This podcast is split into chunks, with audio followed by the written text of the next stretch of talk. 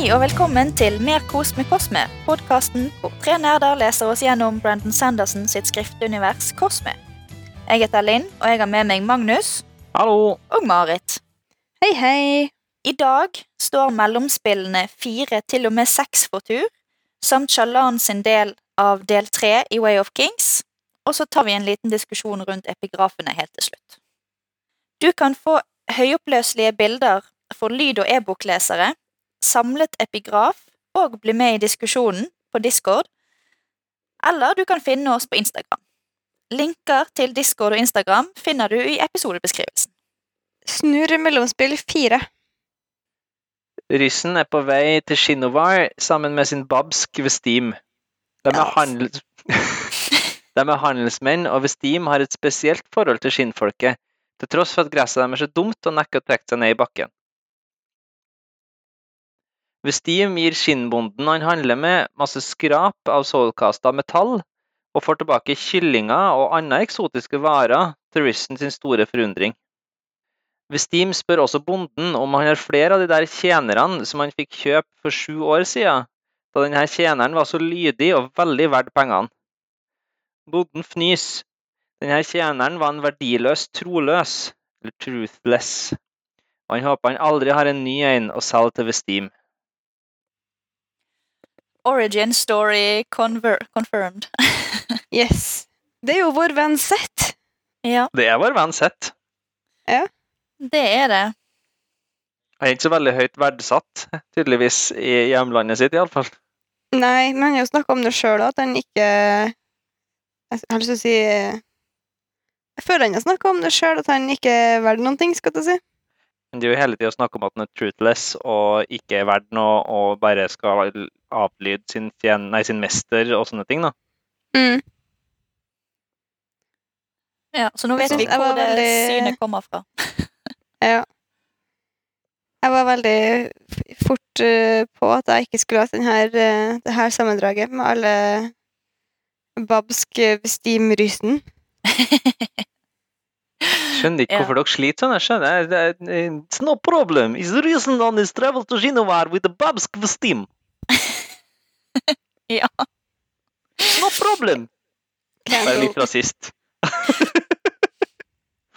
Ja, Ja. det er Jeg har jo hørt uh, disse navnene, uh, så jeg klarer å uttale de, men det høres jo helt dust ut. Det er så mye fremmednavn.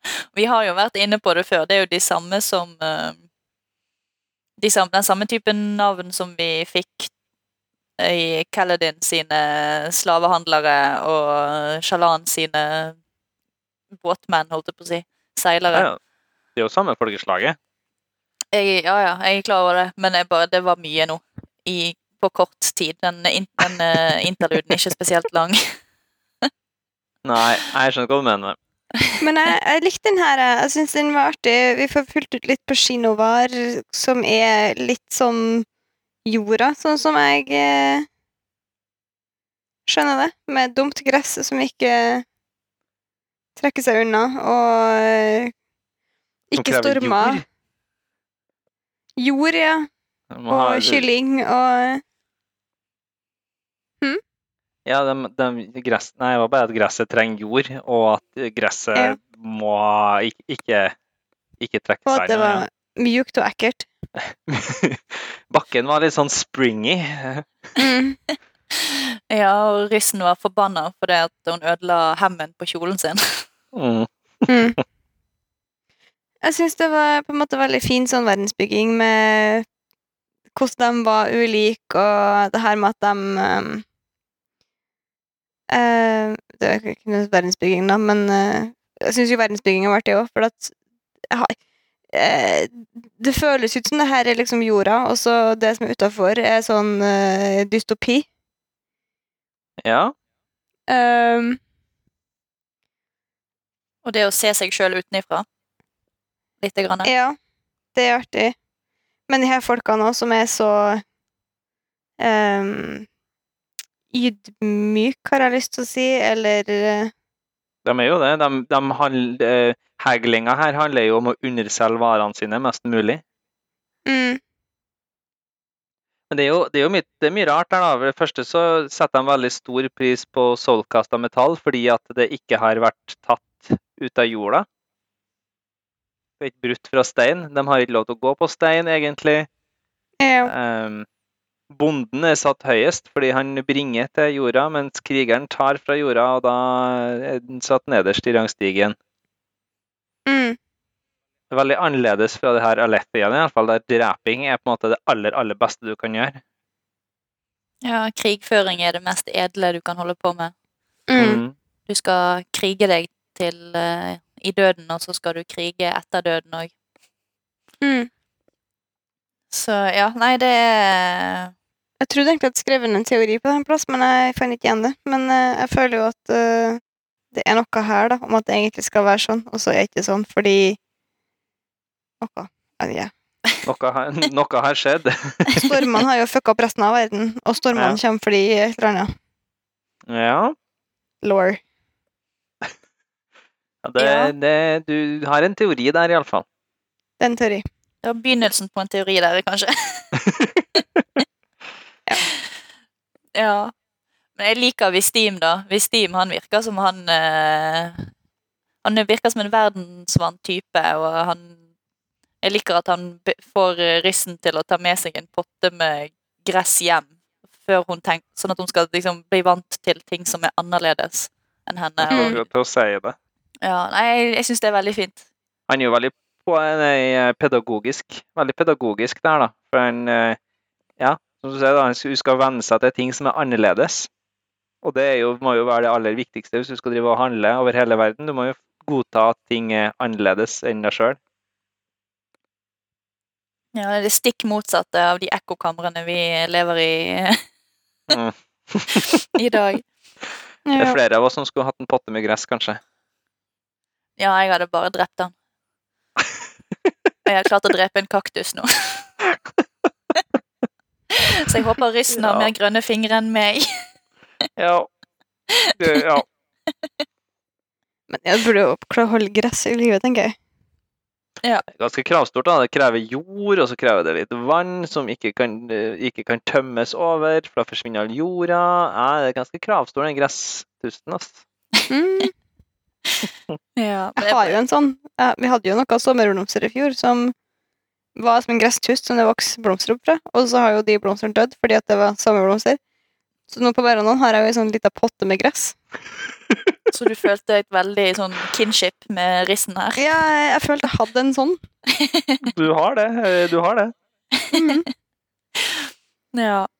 Men det, jeg synes det er drittidig, da, når hun liksom kaller gresset for liksom imbecile og liksom stupid og alle disse adjektivene som hun bruker om det gresset. Mm. Det er liksom snakk om å Jeg vet ikke hva det heter på norsk, med sånn anthropomorphize, at du liksom gjør objekter eller dyr menneskelig. Ja. Du Mm. tilegner objekter og dyr menneskelige egenskaper som de egentlig ikke har. Jeg syns det er litt gøy. Ja. Det er det. Sånn som vindu som har lyst til å være fint. Sånn. Er det noen som legger merke til at Emperor Soul var min yndlingsgreie, eller? Ja. Litt Jeg drar den opp hver gang jeg har muligheten. Vi skal jo snakke om eh, Shalan litt senere, da, som også har snakka med sjelen til noe, kanskje. Mm. Mm. Mm. Mm. Ja, det var det der, ja. Ja. Men er vi, er vi ferdig med Rissen sin interlude, da? De får uh, kyllinger eh, med seg videre på veien. Kluk, kluk.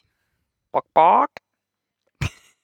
Men da er det Skal vi gå videre til Axis The Collector Marit. Ja. Linn har en vanskelig jobb også når eh, vi kjører kluk, kluk bak bak. Noen må være voksne i dette rommet. Ja, jeg skjønner det. Interlude 5, ja. Axis the Collector. Axis våkner i et smug i Kassitor. Jeg sier det her så liksom trøndersk nå. Hva, hva sier vi Kassitor? Det er sikkert greit. Det, ja. Kassitor. Axis våkner i et smug i Kassitor. Han drakk seg drita kvelden før for å prøve å se ølsprenn og nå er han naken i en komposthaug.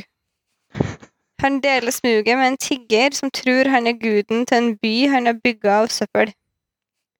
Fra denne tiggeren så tar han et teppe og går ut i gatene. Ved brygga er folket i byen samla for å se på en enorm sprenn som kommer opp av vannet. Et gatebarn stjeler teppet han bruker for å dekke seg til, og Axies får fortsette jakten sin på fangenskapssprenn da byvaktene arresterer han for blotting. Ja, det var en hyggelig liten historie, dette her. Ja. Ja. Fant du mye mening i dette her, Marit? Ingenting, tror jeg. Jo, ja, da han leter etter sprenn, ja, han kollekta ulike sprenn. Mm. Det var det som var Vitenskapsmann. greia. Ja. Liksom de mest obskure sprennene, da. Ale-sprenn og captivity-sprenn. Ja, for det er jo liksom ikke um, Ja, nei, ja. Har alt en sprenn? Jeg vet ikke om eh, det å være full er en følelse. Men wind det er jo liksom ikke Det er jo ikke en følelse, det heller. Eller Nei, sånn. men det er et naturfenomen. Du har jo uh, eh, flamesprenn òg. Ja. Det er jo et spørsmål om om det, da. Altså De er jo stort sett tiltrukket av følelser, men de er også der menneskene tenker at noe har en egen fri vilje, da, altså som vinden, da. Eller regnet. Men ja. ja. Ja, ikke for å spoile, men vi har jo Var det Axis som snakket om uh, dødsbrenn? Mm. Ja. Som De det jo- skjer rett før du dør. Ja, Kaladin eh, så jo noen eh, dødsbrenn i sin eh, del. Ja. Så det, han er jo inne på noe, da, Exis. Mm. Men eh, vi vet jo ikke hva resultatet var. Han hadde vel ikke sett Ailsbrain uansett hvor full han ble i går, så Men um, Spørsmålet om han husker det. ja. kan han ha sett uh, Death når han ikke dødd? I don't know how this works. Han sier vel at han ikke har sett dem ennå, tror jeg. Men Kaladin tenkte jeg på.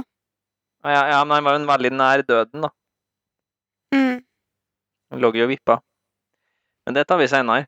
Ja. Eh, hva annet har vi om Axis? da? Han har en skygge som går mot sola. Og så er han blå. Viktig å nevne. Mm. Jeg, jeg tror ikke jeg plukka opp det. Jeg jeg den. jeg, Hadde noen tatoveringer. ja, Nei, jeg plukket heller ikke opp at han var blå første gangen jeg hørte dette. Eller leste dette her. Jeg tror ennå ikke jeg har fått med meg at den er blå. oh, ja. Men jeg vet at han kan tatovere seg, da, sånn som Marit sier. Mm. Han eh, jeg, måtte, jeg flirer alltid. Jeg syns Exis er en av de morsomste interludsene. Når han da i et uh, litt uh, hva, het, hva heter det? I et litt uh... Villfare? Nei. Ja, når han uh, uheldigvis har tatovert seg et sted som ikke er så lett å se. Ja. Mm. Mye kreativitet og to speil og en veldig forvirra uh, bat attendant. Ja. Jeg kobla ikke at det var liksom noe han uh, ville på plass. At det ikke var at han faktisk så tatovert. Nei, han, han tenker det på seg. Det er inntrykket jeg har fått. Ja, det er det. Det gir ikke mening at han har skygge feil vei. Nei. Nei, eh, det at en kan tatovere seg sjøl med tankekraft, det er jo, aksepterer du, Bent, ut, men at skyggen hans går feil vei, det ble, krangler du på. Ja, for hvorfor var den feil vei? Ja, hva er det, da? Det, jeg kan bare stretche disbeliefen min so far. Ja. Ja. Du får notere det bak øret, Marit. Mm. Han er jo tydeligvis en veldig eh, spesiell karakter. Ja. Så Så er det bare, møter vel på han. det er bare så tidlig når de her uh, gateungene stikker av. Og så det er liksom Han er bare så oppgitt, eller sånn Han tar alt på strak arm. Det er liksom bare Å ja, ja, ja, nå blir jeg arrestert. Nå, ja ja, da gjør vi det. Mm. Eller å nei, ja, nå er jeg i smuget til en uh, gal mann som tror at han er guden til denne lille byen han har bygget. Ja, da får vi bare spille med, da. Det er liksom Det er ingenting som uh, faserer han i det hele tatt. Alt går liksom bare helt greit. Mm. Jeg, Han snakker om en ting, da, eh, som er litt grunnen til at han tar livet som det kommer. Tar livet som det faller seg. Eh, han er, har the curse of kind. Jeg snakker nå med en gang. sykt mye bedre enn meg her, ass. Ja, vi har jo det, da, men jeg har lest det før et par ganger. men curse of kind er noe vi ikke vet så veldig mye om i fandomen på generell basis. Nei. Dette er vel omtrent det eneste vi vet om det. Så vi lurer litt på hva det egentlig er. Så vi får holde øynene åpne for å se om uh, Axis uh, dukker opp igjen seinere. Mm. Mm. Kanskje vi lærer litt mer. Vi får se. Ja. En annen kar da, som dukker opp uh, litt oftere uh, enn eh, de andre her, er Et kjent Josef. fjes! Vår venn. Ja. Vår stakkars venn En vår venn, jeg vet ikke. som ikke har det så Han òg er ganske sånn resigned to his fate, så det Vi kan ta interlude 6 Sett. Eh, Mesteren som Sett fikk forrige gang vi møtte han, har brukt Sett til å gjøre seg til herre over underverden i byen de bor i. Makek, som han heter, sender Sett av gårde for å gjennomføre enda et attentat. Makek har fått en rival, og denne rivalen må fjernes. Når Sett finner denne rivalen, så har han allerede fått hodet sitt kappet av. En ny mester er i rommet og viser Seth Outstone. Seth blir gitt en liste over høyt rankede adelsmenn fra hele verden, som er sine neste mål. Det er jo hans verste mareritt, ikke det? Jo. Det er jo den jeg snakker om hele veien.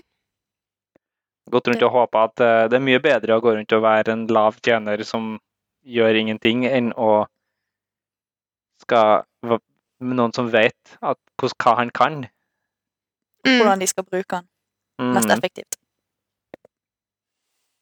Det var, var noen vi kjente på den lista, var ikke det? Eller har ikke vi fått vite? Tror ikke vi fikk visst av det. Sikkert? Jeg følte at det Jo, kanskje.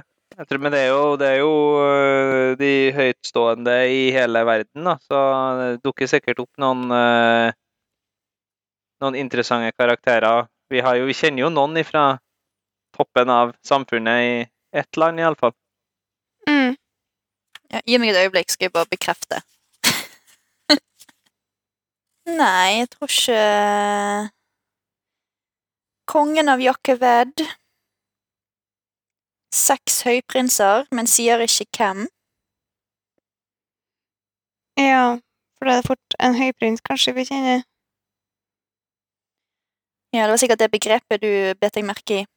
Ja, og vi kjenner ikke For vi kjenner ikke eh, kongen i Jakkeved. Nei.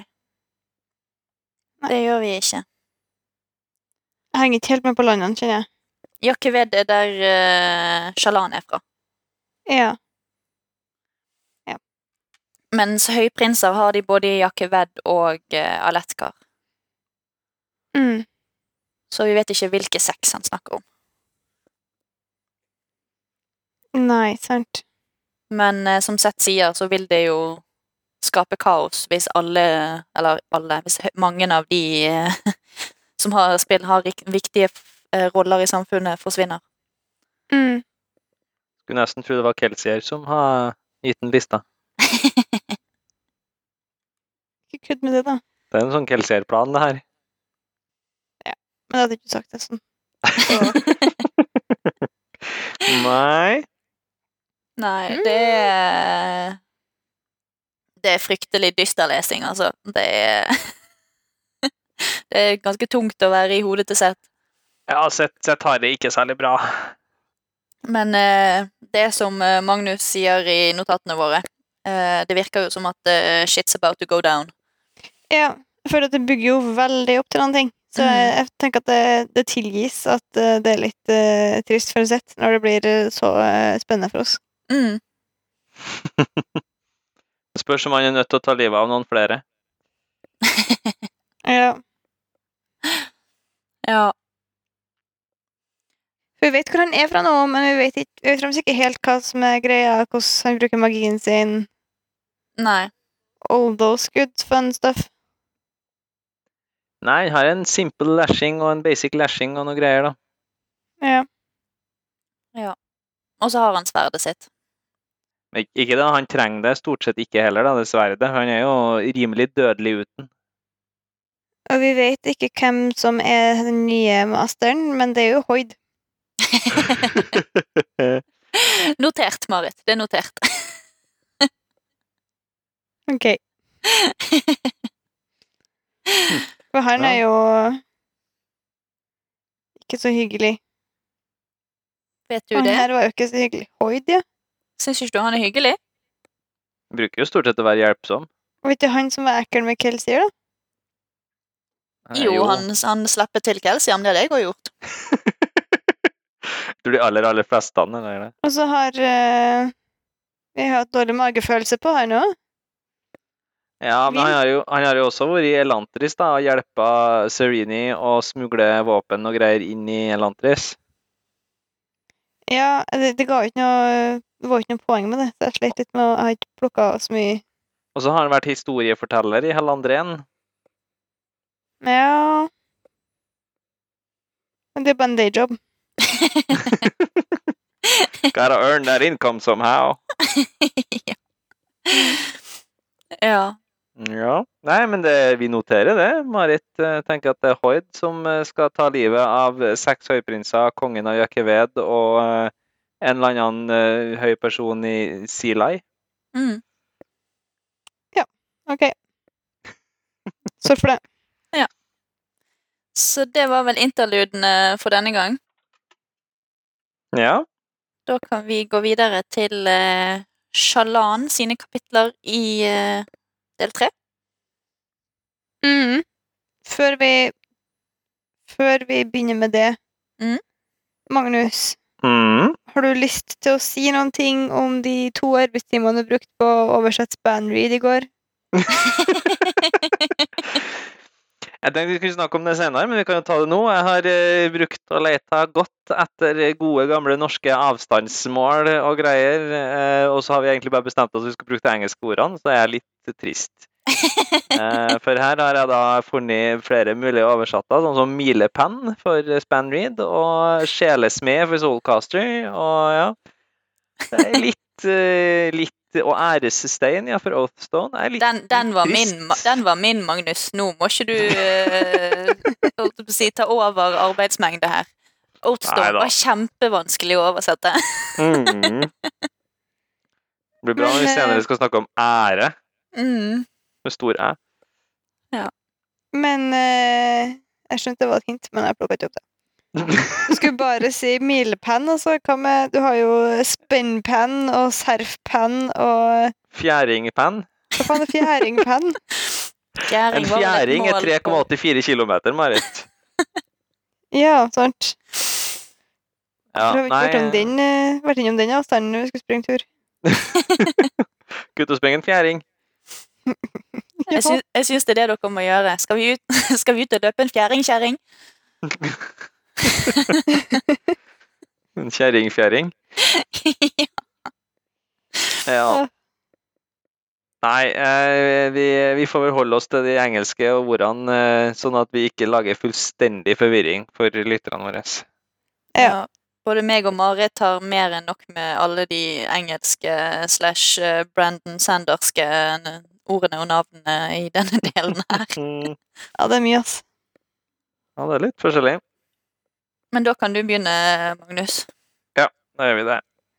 Shalan snakker med brødrene sine over Spanreed, og de informerer hun om at det begynner å haste med å få stjålet Soulcasteren, da både kreditørene kommer tettere, og en gjeng mistenksomme menn med ukjent symbol på hendene har bedt dem om å levere tilbake Soulcasteren som faren hadde.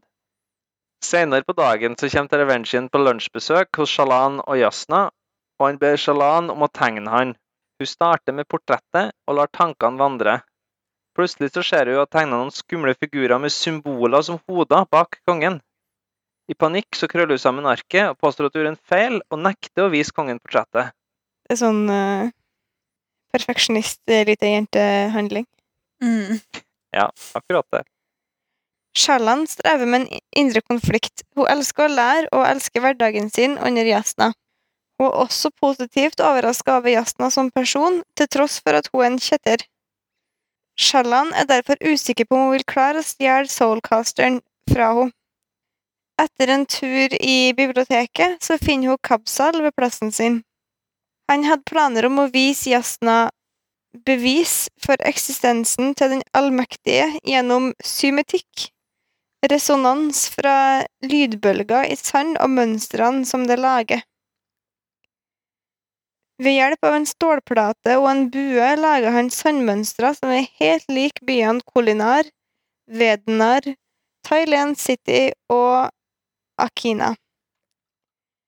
Jazzen har sneket seg bak dem og avbryter Kabsal med å spørre om han kan lage mønstre til den sagnomsuste byen Urituru.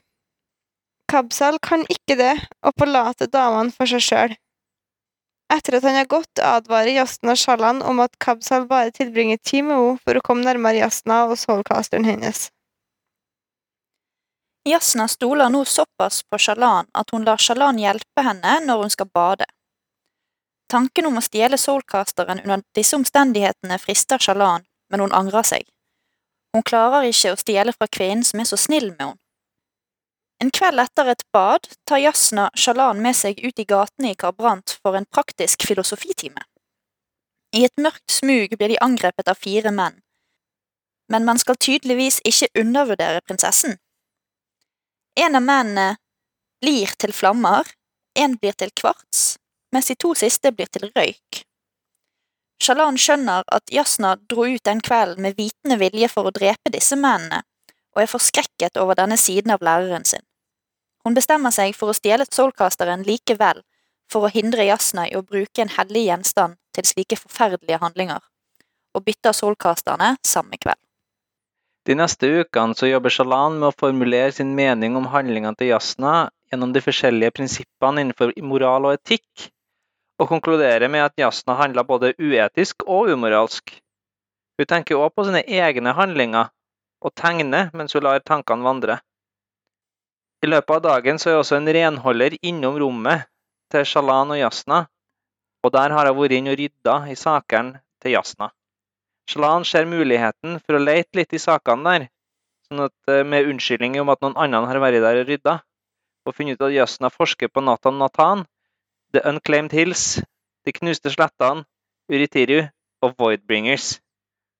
Hvorfor det? Det må bare gudene vite. Linn koste seg med sammendraget.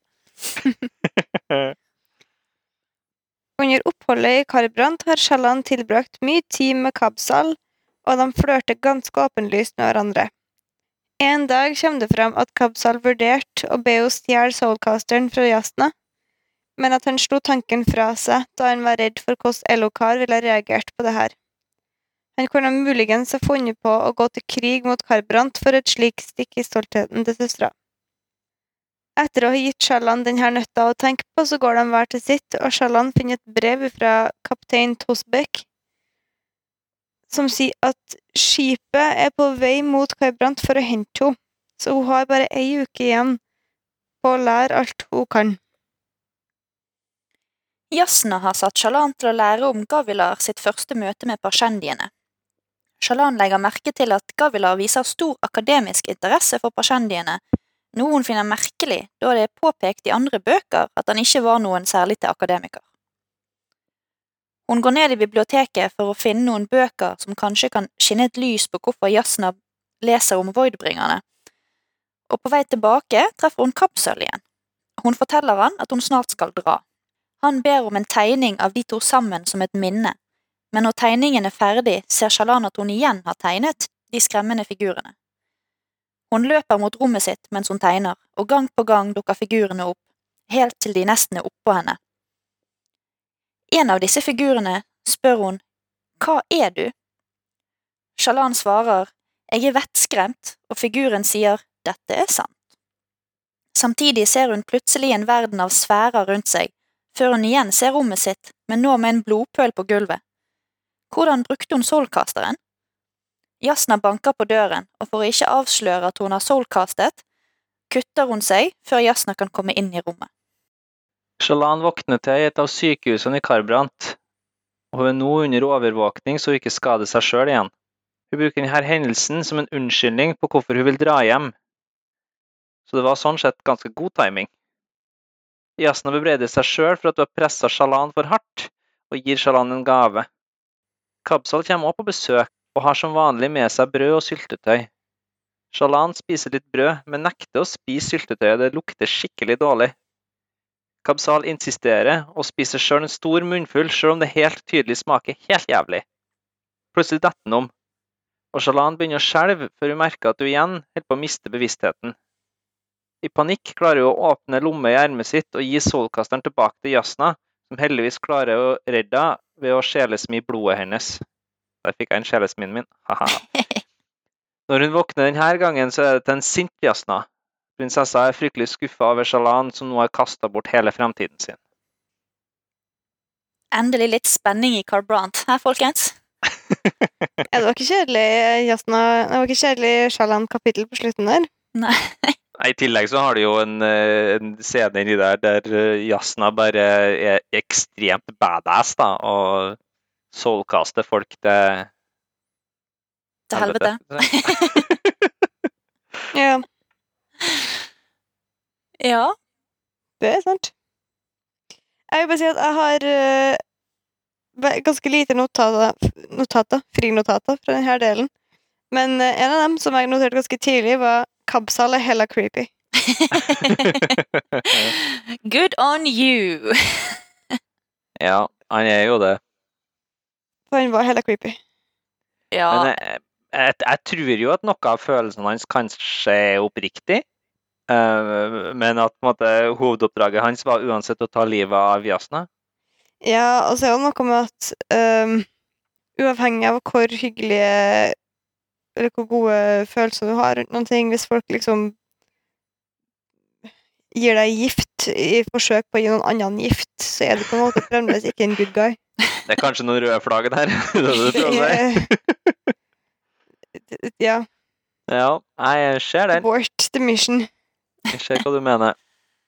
ja, og så er jeg litt sånn si, Uavhengig av hvor ekte følelsene til Kapsal er, så føler jeg liksom aldri at Shalan faktisk er veldig interessert i han, og hun sier jo det sjøl mot slutten at hun er jo egentlig ikke forelsket i han, og hun har jo litt vondt i sjelen sin fordi at han vet han er så eh, forelsket i henne, eller ja. Ja, Jeg, jeg føler hun er mest liksom stressa for at han skal bli for forelska. Mm, ja men hun er jo, hun, er jo, hun syns jo hun er sjarmerende og sånn, da. Men, eh, men ja, nei, det er jo et poeng i at hun sier på et tidspunkt til seg sjøl at uh, når han er så forelska, burde ikke jeg òg være forelska. mm, But he did now. but he did now. Ja. Og han At, eh, drepte seg sjøl, så det Gjør det det bedre? For så vidt et lite dramatisk uh, dødsfall, eller?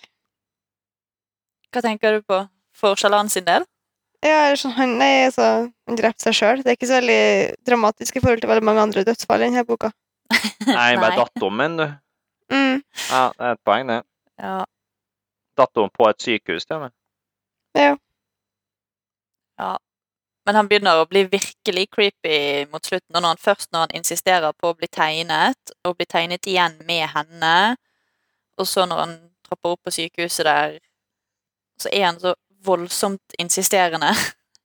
Smak på syltetøyet, Shalan. Smak på syltetøyet. Spis syltetøyet, Shalan. Og ja, det er fordi at det er Det skal være motgift i det, Mm. Mm. men likevel, det er bare Ja. Creepy nei, vibes. det- Creepy vibes. Ja, det er det jo. Magnus er prøver Team Kapsal.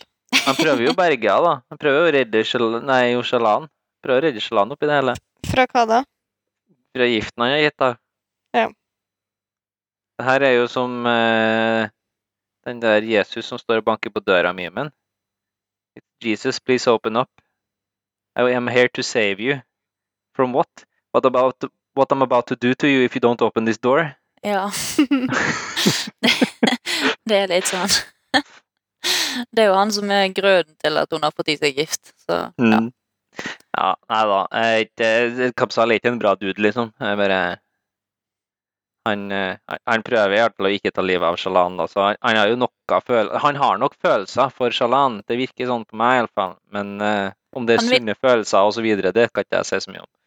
Han vil i det minste ikke at hun skal dø. Nei. Også, Men ikke nok til å liksom ikke gi gift. Nei. Men hva skjedde egentlig med denne eh, motgifta, tru? Shit! Det er et godt spørsmål. For det var helt tydelig at han var veldig overraska over at syltetøyet var dårlig. og Han var også veldig overraska over at motgifta ikke funka. Ja. Jeg vet ikke hvem som kjente planene hans. Men Jasna skal jo absolutt lukte på syltetøyet, skal ikke du det? Ja, smak gjorde hun faktisk. Gjorde hun? Ja, hun stakk fingeren sin oppi det. Mm, Og så- du smakte på det? Nei, hun lukta på det Hun mente det lukta dårlig. Ja. Ja, ja nei, nei vi, vi kan notere det bak øret og se hva som skjer. Mm. Kanskje hun hadde anti-motmotgift på fingeren. Ja. Ja. Makes sense. Tror du Jason har visst hva som foregikk? Nei, det tror ikke jeg. Mm. Tror ikke jeg, Tror hun visste-. Mm, Akkurat det. Hun var veldig, eh, veldig overraska, hun òg, på reaksjonen til Svan osv. Mm. Men for å da gå helt fra det som siste som skjer i Shalan sin historie, Mm. det helt første som skjer eh, Vi får jo svar på hva som gjorde at Ballat Balat måtte løpe fra eh, hagen i eh, interluden sin. Jeg henger ikke med i det hele tatt på hva vi er nå. Ballat? Ja, broren til Shalan. Da når vi var i interluden hans og han eh, torturerte smådyr. Ja. Det siste som skjer, er jo at en av de andre brødrene sier eh, 'du må komme, du må komme'. Er ja. det derfor? Det har ikke jeg Mm. fått med meg. Det var fordi at uh, Han tjeneren, en- han tjeneren som eh, visste hvordan de skulle bruke soulcasteren, døde. Ja, ok. Hmm. Ja. Det henger sammen. Mm. Så er spørsmålet, har det her sammenheng med de her eh, skumle folkene som visste at pappaen til Shalan hadde sjele, sjelesmeden? Soulcasteren? Eller er det noe annet?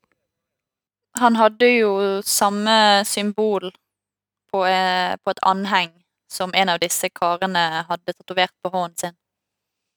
Hva er et symbol? Mm. Vi har jo symbolhodefolk. Ja. Eh, altså, for det er tegningene hennes, da. Hva er tegningene? Ser hun ting som er der på ordentlig, eller er det noen form for eh, premonitions? Eh, for hun, hun så jo en mann i blod, var ikke det så? tror det var relatert til noe annet. Når hun tegner han mannen som ligger i en eh, blodpøl. Hvordan da? Det Shalan er jo veldig nysgjerrig på de her figurene, eh, og tegner veldig, altså, tenker veldig mye på dem og tror de har en sammenheng med, med Soulcasteren å gjøre. Mm. Men når hun fikk den der, laga tegninga av en mann med blod, så fikk hun bare panikk og ville knøvle det og legge det bort. Så jeg tror at det har en annen, en annen sammenheng. Ja. Uh, men det er jo tydelig at de her Eller de her, de her symbolhodefolkene, de dukker jo opp før hun egentlig har eh, begynt å øve seg på soulcasteren òg. Og så spør han hvem hun er. Men ikke hvem. Hva hun er. What are you? Mm. Mm. Eller kanskje bare med sånn som jeg skrev, at de symboliserer angst. Jeg vet ikke. Det er i hvert fall sykt freaky. Det fins jo i boka sin første side. Så kan du se bilder av dem. Å? Det kan jeg legge ut på Discord og for så vidt. Men, uh, men ja, de er der. Ja. Jeg må si, jeg har litt sånn Jeg lurer på hva det her er, og hva det Men eh, jeg har masse spørsmål, og ingen tanker utover det, egentlig. Nei, Du får begynne å, begynne å samle spørsmålene i hodet ditt, så ser vi hva vi kommer til etter hvert. Ja, for det, det er ganske mye eh, greier med Shalan. det var liksom all verdensbyggingen i hennes kapitler, og så har du Shalan, og så har du Skal jeg stjele solkasteren eller ikke, og så har du Jeg har alt om Shalan, så har du alt med Jasna. Skal hun stjele solkasteren eller ikke? Eh, alt med Cabsol, familien eh, Det er liksom Ja, alle disse dype samtalene hun har. Alle disse spøkefulle, spøkefulle samtalene med Cabsol. Det er liksom det er veldig mye som distraherer i Shalan sine kapitler, føler jeg. Ja, Ja. det er mye som skjer. Det er mye, det er mye spennende innhold. Og så finner finnes det også tid til å sitte og eh, filosofere på symbiosen mellom små snegler og planter. Ja. Og har en sånn eh, De hjelper hverandre, men jeg, jeg bedrar Jasna. Ah. Ja, for jeg har faktisk, faktisk notert meg det. Snails and plants can help one another, she thought, but I betrayed Jasna. Så sa jeg akkurat det samme som du sa, bare Ja. på engelsk. ikke? Ja. Men det er bare sånn her, dude, slapp av. Livet ditt er litt mer komplekst enn livet til snegler og planter. ja. Akkurat Ja. det. Just please stopp. Men nå har hun jo drevet og lest masse om eh, moral og etikk i det siste, vet du. Det, Mm. det er viktig å bruke det du lærer i praksis. Ja, jeg skjønner det. Ja, og så måtte jeg flire, da. Vi snakket jo i forrige episode om uh, hva vi tenkte om familien til Shalan når uh, Nan Balat påstår at han og Shalan er de eneste som er oppegående i den familien, mens han sitter og torturerer smådyr. Um, og nå fikk jo vi eh, vite i denne delen at en av de, han eh, har et gamblingproblem. Kjekt det når du skal skjule unna at en skal selge masse eiendeler. Ja, ja, det er sant. Så nå bare istedenfor å ta pengene for seg sjøl, så gir han pengene til familien sin. Eller ja, for å holde kreditørene, kreditorene unna. Mm. Så Mm. ja, nei, det Jeg lurer på hva han siste holder på med. Det er sikkert ikke noe sunt, det heller. Nei. Nei, Og så er Shalan hun, er, hun sier jo sjøl at hun er naiv, men hun er litt ovenpå og ned noen ganger. Bare for å liksom snakke meg ferdig om det som skjedde med familien der. Men når, når hun driver og har en samtale med eh, Alita, er det det hun heter? Forloveden til broren. Mm. Eh, så sier hun jo at Alita er liksom ikke den skarpeste kniven i skuffen. Nei, uh, ikke så veldig hyggelig der. Nei, det er jo ikke så hyggelig å si om din kommende svigersøster. Som er eneste linken mellom deg og din bror. For hun er nødt til å skrive, for han kan ikke skrive. Du ser ikke et ansikt hennes, da. Det er ser jo seg sjøl. Nei. Hun har litt takt. Mm. Lite grann. Mm, jeg tenker, Vi har hoppet litt tilbake til Jasna sin eh, leksjon. Da. Eh, Det er jo utgangspunktet til denne fortvilelsen til Shalan. Og er det noen som har lyst til å diskutere X-Fil, eller? Helst ikke. Hvor var han nå? Nei, Jasna setter jo Shalan til å lese seg opp på etikk og moral fra alle de filosofiske grenene. Det var litt slitsomt. Jeg tror du kom til å elske dem. Du likte jo X-Fil. Jeg likte X-Fill. Jeg liker The Good Place, skal du si. Ja. Men eh, Jeg føler ikke at det er så veldig fruktfulle diskusjoner vi egentlig har. Jeg føler at det bare går tilbake og frem og tilbake og angster for seg sjøl. Det er liksom ikke noe Ja, nei, hun gir jo egentlig bare en sånn uh... Du får ikke fram noe faglig dybde i det. Nei. det er sant, det. Det er lov å klage på at uh, den skjønnlitterære boka du leser, ikke har nok uh, faglig filosofisk dybde. Alltid. Det er alltid lov. Ja. Men det er jo Jeg syns det er litt gøy, da, at hun tropper opp foran Jasna og forteller hun at uh, det var ikke riktig det du gjorde. Og så sitter hun på innsiden og bare 'Det var ikke riktig det jeg gjorde heller. Å nei, å nei, å nei.' å nei. Mm. Og angster skikkelig over det. Men also, uh, det syns du har handla uetisk og umoralsk, og det var feil det du gjorde. Og så Jasna var sånn Ja, OK. Godt resonnert. Livet går videre. Mm. Ja. For da sto hun liksom opp for seg sjøl på slutten av kapittelet, når uh, Jasna bare går fra henne. Så ja, helt på slutten av delen. Ja, det er da hun skulle liksom sagt, sagt hva hun har sett, og sånn, da bare sånn tilfelle at det var noe interessant. For da hadde hun uansett liksom sagt Så hun uansett uh, fortalte Jasna at hun hadde stjålet uh, Soulcasteren. Soulcasteren, så da kunne hun like gjerne ha delt alt det her eh, Dude, what are the symbol heads? Ja. Og så sier Jasna hæ, what? Og så sier hun the symbol heads, to the heads that I see everywhere. Do they have the fabrial uh, to do? Or am I just cray-cray?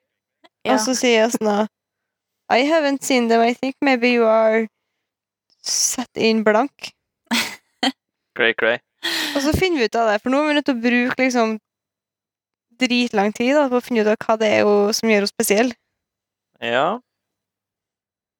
ja, skal vi bare gjøre vondt verre og si at uh, del fire, da er vi tilbake igjen til Kaladin og Delinar?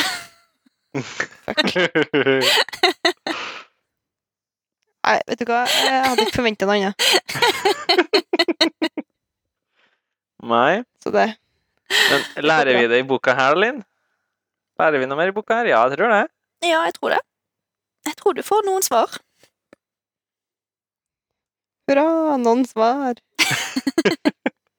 Da vi har lest oss gjennom fire av de her bøkene, og vi sitter med fremdeles med masse spørsmål, så eh, velkommen i klubben.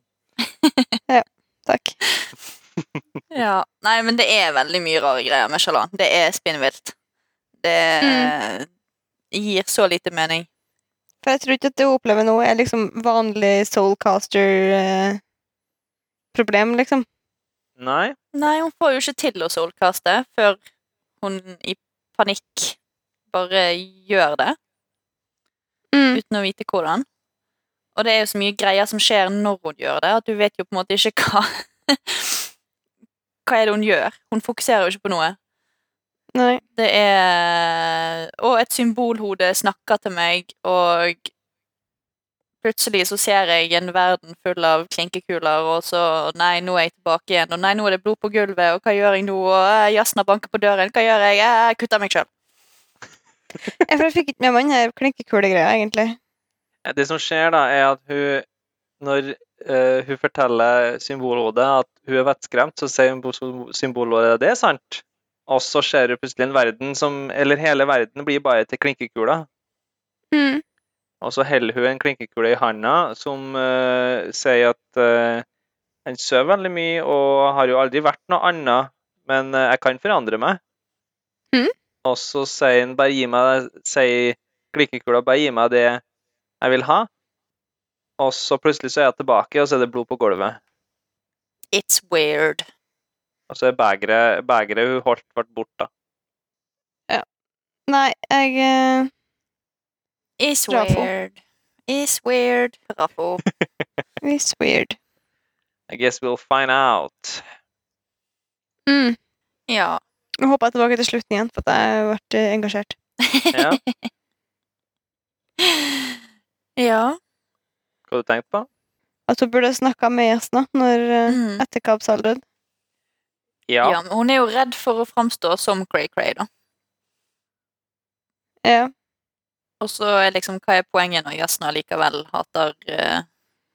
ja, det er akkurat det. Hun har liksom ingenting å tape. Nei. Jeg vil kanskje anta kanskje at hun ikke får noen svar, da. Men hun har jo Jasna sin interesse å vinne. Ja da, hun har jo det. Kanskje.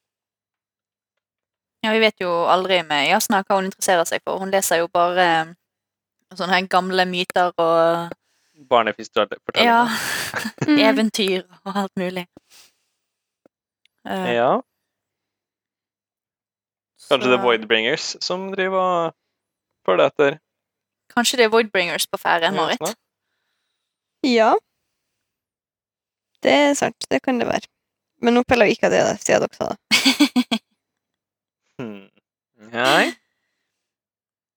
Jeg må si da, jeg syns jo det var artig den ene scenen når uh, Taravangian spør Jasna om hvordan uh, How did you find your eh, student? Altså, hvor fant du hun her? Og så sier hun bare nei, overraskende og i alvorlig mangel av utdanning. Som Mm. er, som er ganske sånn En av de få gangene der Jasna bare har uh, vært kjørt en sånn sjalan-quip på ting. Ja. Men Jasna sier jo det at eh, hun eh, er jo ikke imot det å ha en kjapp replikk. Du må bare vite når du skal bruke den. Mm. De hadde jo en lang, lang debatt i første del av eh, Ja, første del av denne delen. I første kapittel av denne delen. Om uh, hvordan Shalan skal bruke disse her raske replikkene sine. Ja. Så Mm. Hun virker jo ganske kald, i Jasna, men hun syns hun, hun, hun er søt når hun eh, kommer inn til Shalan i sykesengen der og liksom prøver å si unnskyld, og så klarer hun det ikke helt. Mm. Bebreder seg sjøl veldig da for hva som har skjedd, Mm. og sånn, så det er jo helt tydelig at hun har eh, på mange måter blitt glad i Shalan, da. Virker det som på meg, iallfall. Enig. Som ei lillesøster. Mm. Mm. Så det er jo da kanskje et enda større Det føles som et enda større forræderi når, når Shalan da har stjålet fra henne. Mm. Ja. Men uh, hun um, Hun sa jo ikke noe om at den var missing, soulcasteren hennes. Nei.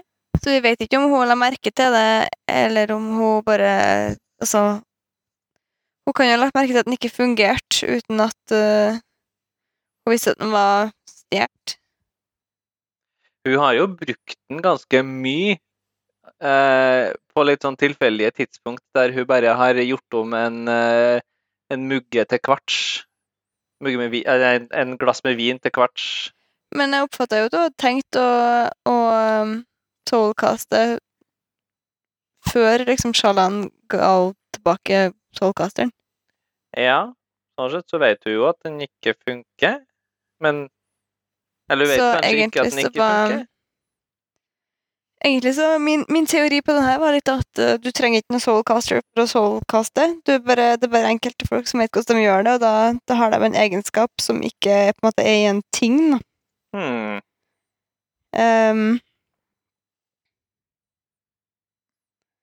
ja, men, men så later man som om det er en ting, for da, da kan ikke alle sammen bare gå og lære seg det.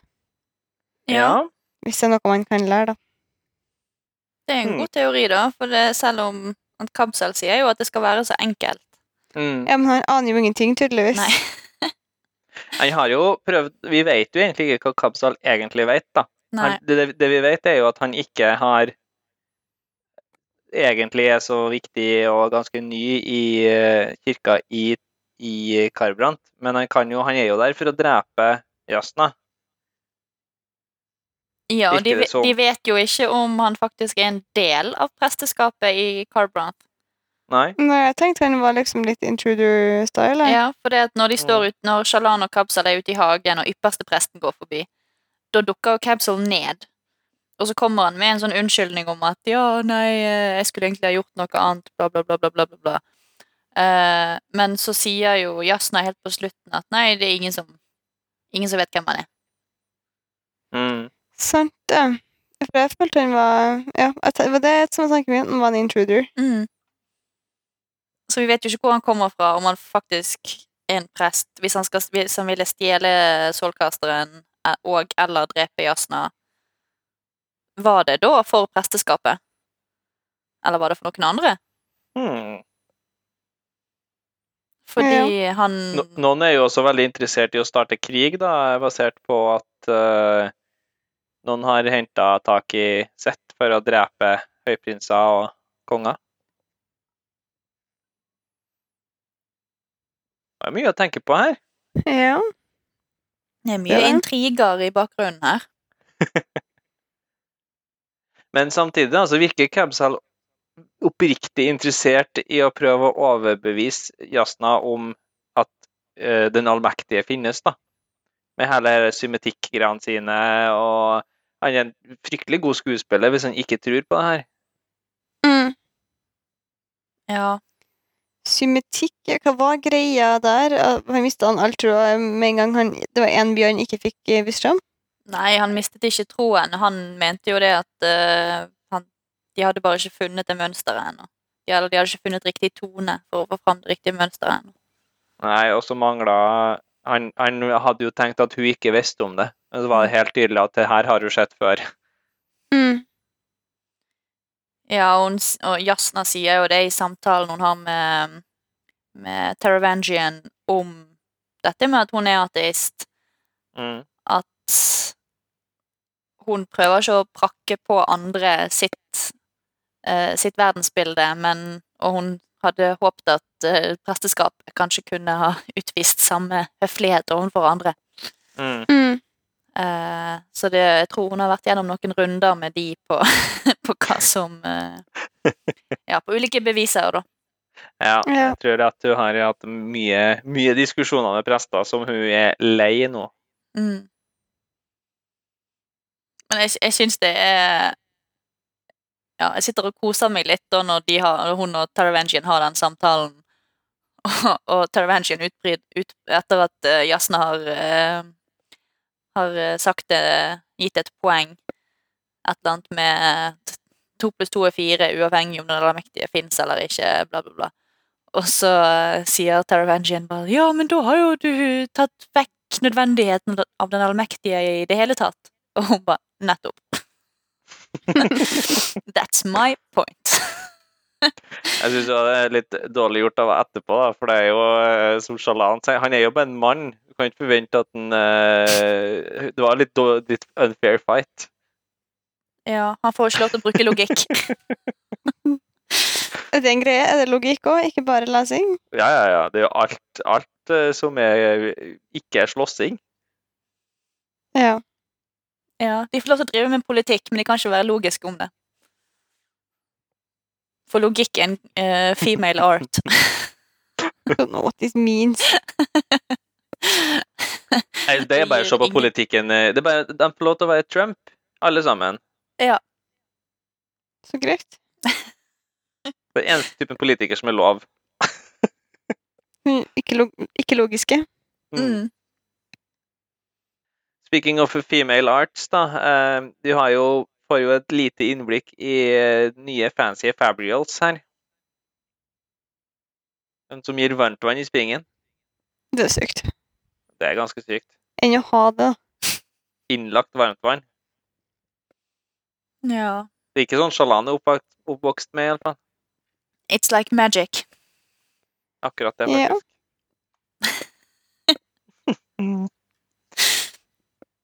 Bare at det er Fabrials, da. Så det er jo en, en ingeniørkunst. Ja, det er magic. Jeg trodde det var Nei, det var bare jeg som skulle være litt tidlig. Vi vet jo ikke hva Fabrials er, egentlig. Vi har jo sett veldig lite av det. Mm. Vi, vi, det eneste vi vet, er at vi kan ha varmtvann i springen. Og så har vi De kaller Soulcasteren for en Fabrial. Mm. Og så har du Spanreed, som Mm. gjør at de kan tekste. Ja, jeg føler at det er litt mer komplisert enn teksting, men jeg tar den.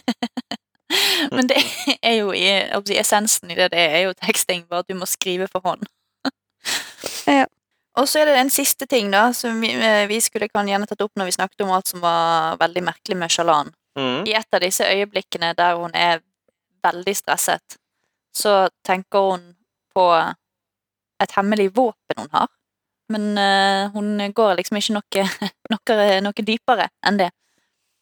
Jeg har ikke fått med meg. Hun sier, hun sier en ting til Herregud, òg. det er mye jeg ikke har fått med meg. Hun, hun sier én ting til òg, om det hemmelige våpenet sitt. Hva da? Hun begynner prosessen med å få det fram. Eller noe sånt. Ja, for hun sa det som om hun har et, eh, noe som krever hjerteslag for å få det fram. Mm. Mm. What is this? Altså, jeg antar det ikke er et fuckings shard blade. Det er også kjent som frukten av hennes synd. så det er sånn, hun er så sykt overdone. Det er Ah. et mysterium, Magnus. Ja, men det er liksom sånn uh, uh, Plantene og sneglene hjelper hverandre, men jeg bedrar Jasna, og det er frukten av min synd, og Så jævla religiøs. Hun er 17 år gammel og religiøs og har eh, etter alt å dømme ikke hatt den, eh, den beste oppveksten. Det er sant nok, det, da. Det Igjen, igjen hvis, hvis Ballat stiller seg på samme mentale nivå som Shalan, så er jeg ganske bekymret for Shalan. Ja. Jeg tenker på det, Vi har jo sett Lykkeland, og der er det jo en kid som er et bedehusbarn fra 80-tallet. Det var også mye rart. Ja. Så for så vidt. Ja. Men det er jo, jeg hun er jo oppriktig religiøs, da. Ja, det virker jo sånn. Virker det sånn. Det er ikke noe jeg har tenkt over tidligere, egentlig. Når jeg Nei. har lest det. Det har jeg. Nei, for jeg har jo på en måte ofte en, en Typisk så er jo de her ikke så religiøse inni seg som de gjerne er på utsida, skal jeg si. Eller de er mindre religiøse enn uh, samfunnet de lever i, da. Dem i boka her, tenker du?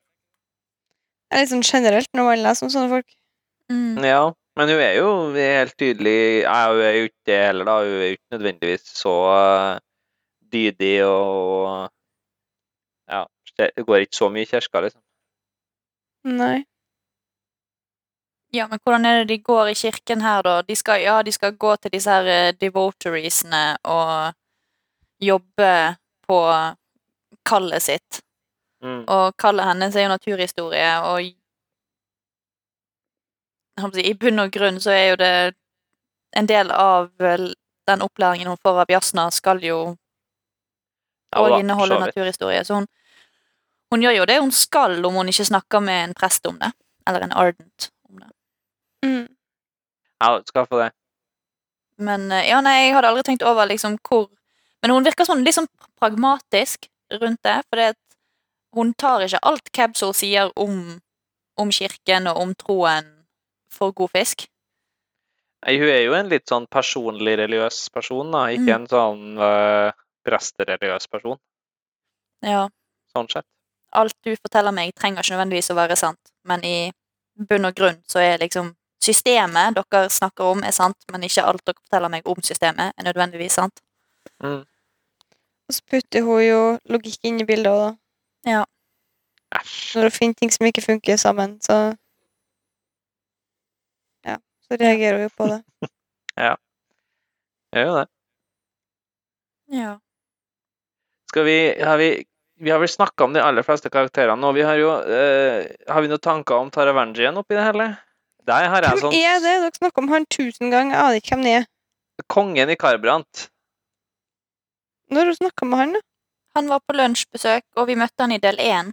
Og så har han vært på sykehuset og besøkt Shalan. Ja, stemmer, ja. Han virker jo trivelig. Ja, Ja. Man bruker mye av tida si på å være på sykehusene og gå rundt og bare være høf hyggelig gamle mann. Altså, jeg vet ikke hvor, hvor konge er han egentlig? Hun har jo en samtale med Jasna om Taravangian. For det går veldig, veldig, mye, veldig mye baksnakking om, om han, fordi han er Mm. snill og omsorgsfull og virker litt treig.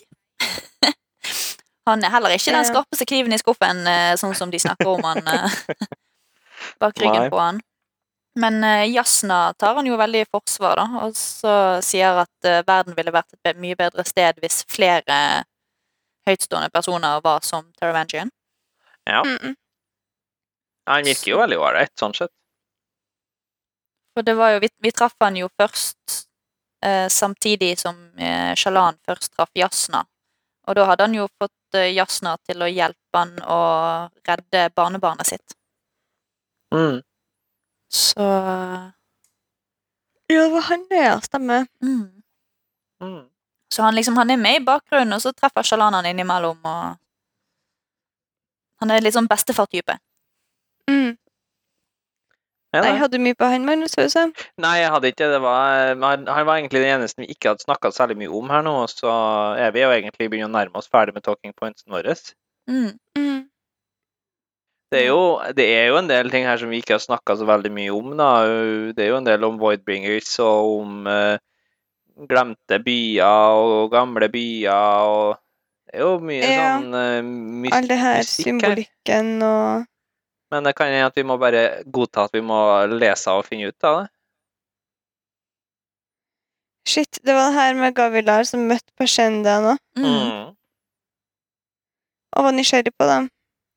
det var han. Nå husker ikke jeg helt uh, hvor vi lærer om det her med musikken. Musikken deres. Er det i Sjælland, eller er det i Kaladin? Det er Kaladin og Delinar sine kapitler. Ja, og så lærer vi bitte litt i, i eh, preluden Pre... Jeg vet da. Prologen. Helt i starten der, når, eh, når vi leser fra Sett sitt tidspunkt, så drev de også tromme på trommer og sånne ting i, eh, Ja, i fest, okay. på festen der. jeg kan ta det senere. Ja. Nei, men det, det, er, det er noe der. Det er um, Det som de sier i Det som blir fortalt i den delen her, da, er at uh, i en, den ene biografien om, som Shalan leser om Gavilar, så sier han Mhm. at uh, han kunne stå og snakke med en Parshendi, eller gå forbi en Parshendi som nynner på en sang, og så Mm. går han et stykke unna, til liksom relativt langt unna, og så er det en annen Prashandi som nynner på samme sang, Mm, og at de det er noe språk eller noe fellesskap der. ja det er noe fellesskap der, sånn som sånn som det blir lagt fram, da. Mm. Og han var fryktelig interessert. Eh, Navani, som vi møtte i forrige del, moren til Jasna, som skrev en biografi om Gavilar, sier uttrykt at Gavilar ikke var noen akademiker, Mm. men han men, Mens andre eh, biografier sier veldig tydelig at han var fryktelig opptatt av persjendiene og kulturen deres og Ja, så vanskelig å vite egentlig hvem som, skal som stemme, da. mm, Hvem skal man stole på? Mm. Det blir spennende å finne ut mer av. Men jeg, jeg har jo um, jeg har reagert litt på noen av de her um, epigrafene. Ja. Det nevnes jo 'stories of instantaneous travel' and the oath gates som prevailer these tales. Jeg bare, har vi hørt om instantaneous travel før? Nei, Nei. det er første gangen i Jeg har bare merka meg det her, men jeg husker ikke helt hva det var egentlig tenkt når jeg merka meg det. Har du skjønt hva epigrafene er, da? Denne delen? Um, nei. Epigrafene i delen her lærer vi når, når uh, Shalan er og snoker i sakene til Jasna. Så begynner hun å lese ting som er tilsvarende epigrafene. Ja. Så hun, hun leser opp jeg tror det er to eller tre av epigrafene. Så alle epigrafene her er jo da notater fra Jasna sin, eh, sin eh, loggbok, notatbok. Ja. Eh, jeg tror ikke vi skal gå gjennom alle epigrafene her, fordi de er, det er litt for mange, og det er ikke så veldig mange av dem som er, gir så veldig mye. Eh, Jeg skjønner ingenting. Nei, vi har jo eh, Vi har jo Jas- Vi vet jo at Jasna i hvert fall vet om navnet Euretheru, for hun nevner det for Cabsol. Og så er det en epigraf som er sitatet er I walked from Ab Abamar Nei. I walked from Abamabar to Eurotheru. Og det er en mm. quote fra The Eighth Parable of the Way of Kings. Seems to contradict bla, bla, bla, bla, bla, bla. Ja. Så Eh, det er jo her er jo... hun har notert fra en bok. ja, da. det her er jo også boka Dalinar, det var jeg er så glad i. The Way of Kings. Mm. Mm. Og neste epigraf òg, fra kapittel 35. Though many wished Eurythiru to be built in Alethala, it was obvious that it could not be, and so it was that we asked for it to be placed westward in the place nearest to honor. Hmm. Er òg et sitat hun har notert seg. Honor med stor H, ja. Mm. Husker du tilbake igjen til eh, Mistborn-dagene, Marit? Way of Kings map. Eh, vi skal se, Marit, det, det finnes et, et jækla bra kart med tidslinje osv. osv. på. eh, som vi skal dra opp Ikke se på den. eh, nei, ikke se på den nå. Eh, vi skal dra opp den når vi er ferdig med Way of Kings, tror jeg. Vi legger ut en lenke og sånn. Jeg har jo tatt med at jeg skal oversette den her til norsk, så vi får se. Um, derfor så trenger jeg litt trening Hva på å var det du sa nå? Det du sa, var at det, var, det kunne ikke være Aletkar? Nei, Alettela. Alethela. Al ja, ja, og det vet vi. Det er gammelt og det er gammelt, det. Ja. Jeg kan si såpass mye, Marit, at Alettela er et gammelt navn på det som i nåtiden i boken er Aletkar. Ja. Så skal vi sette vest i stedet. Mm. Der hadde du Jack Haved. Ja. Jeg er veldig usikker på hvilket kart du sitter og kikker på nå. Kjenner jeg er nervøs. Har ting forandra på seg? Nei, jeg er bare eh, så nervøs for at det er spoilers der. Hmm, hmm, hmm, hmm. Men vi, vi vet jo at uh, Vi vet jo at Aletkar ligger i Østen et sted, da, så det er ganske mye som er vest for uh, Aletkar. Mm, Nå ser jeg bare etter spoilers. Ja, det må du ikke gjøre. Jeg har funnet Eh. Pure Lake, jeg har funnet Shinovar. Mm. Det er, noen andre, det er noen andre her, da. Det er jo snakk om instantaneous travel her, ja. Ja. Eh, og Oath Gates. Passer jo bra med det Oathstone til sett. ja. Snakker man om en Desolation her, og eh, The Unmade er jo nevnt. Det høres ut som uh, obvious fabrications of folklore. Mm. Mm. Og så er det jo en sånn veldig interessant her som refererer kanskje til det med instantaneous travel. da. Though I was due for dinner in Veden City that night, I insisted upon visiting Kolinar to speak with Tivbet. The tariffs through Ørithiru were growing quite unreasonable.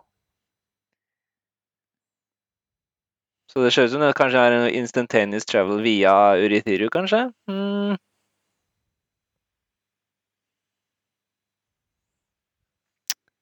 Så du må innom Urithiru for å travel instantaneously? De har ganske høye tariffer, da. Ja. Ja. Det er litt, det er litt snacks her, eh, men det er jo også samling av folklore og eh, fanciful tales og eh, ja. Og sånn enkelte sider som har overlevd branner i Palineum og litt sånn diverse. Mm. Alt er veldig fragmentert. Det hun har samlet sammen her. Jeg liker den der Den er bare sånn direkte linka til Cormshen, page 104. ja. Som om vi vet det- hva den boken er for noe. ja.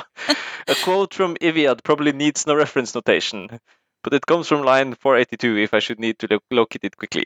Ja. Så ja. Nei, det er jo eh, helt klart uh, noe forskningsnotater, det her, da. Det setter jeg Ja. alltid pris på. Men det var snakk om en honor med stor H. Mm. Jeg antar jo det er en del av det her store speilet Ja, som har knust. det, det er jo en god gest, det, da. Ja, vi setter en pinn i den til vi snakker om Kaladin i neste episode. Mm. Mm. Det var vanskelig å skrive sammendraget til Kaladin denne gangen.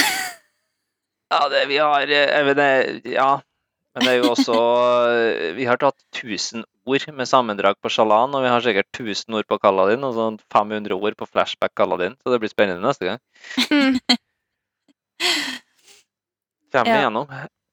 Ja da. Men eh, så vi noterer oss i hvert fall at eh, epigrafene de nevner veldig mye eh, som virker som at de ikke nødvendigvis henger sammen, men så nevner de gjerne flere av de samme steder, eller litt sånn uh, Ja, hun nevner jo Radiance flere ganger. Det er et dikt her. Radiant of birthplace, the announcer comes to come announce the birthplace of radiance.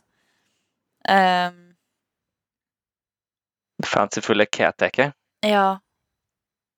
Og, og sånn som i det sitatet som Magnus nevnte i sted, med han som skulle spise middag i Veden City og skulle innom Collinar først, Jeg har ikke plukka opp i det hele tatt mens jeg har lest. Herregud. så sier han jo, så sier han jo etterpå at uh, by then the so-called radiance had already begun to show their true nature. Så det er jo det er litt sånn radiance her, det er Eurotheru, det er instantaneous travel, det er liksom desolations, unmade, det er masse sånn som mytologi her som vi ikke har hørt om før, som Jasna har samlet sammen her. Mm. Kanskje det, kanskje det bare er sånn filler, at de ikke får høre noe om det noen plass. Det er bare filler for verdenen. Det er world, worldbuilding i epigrafene. mm. Um, Vi får se.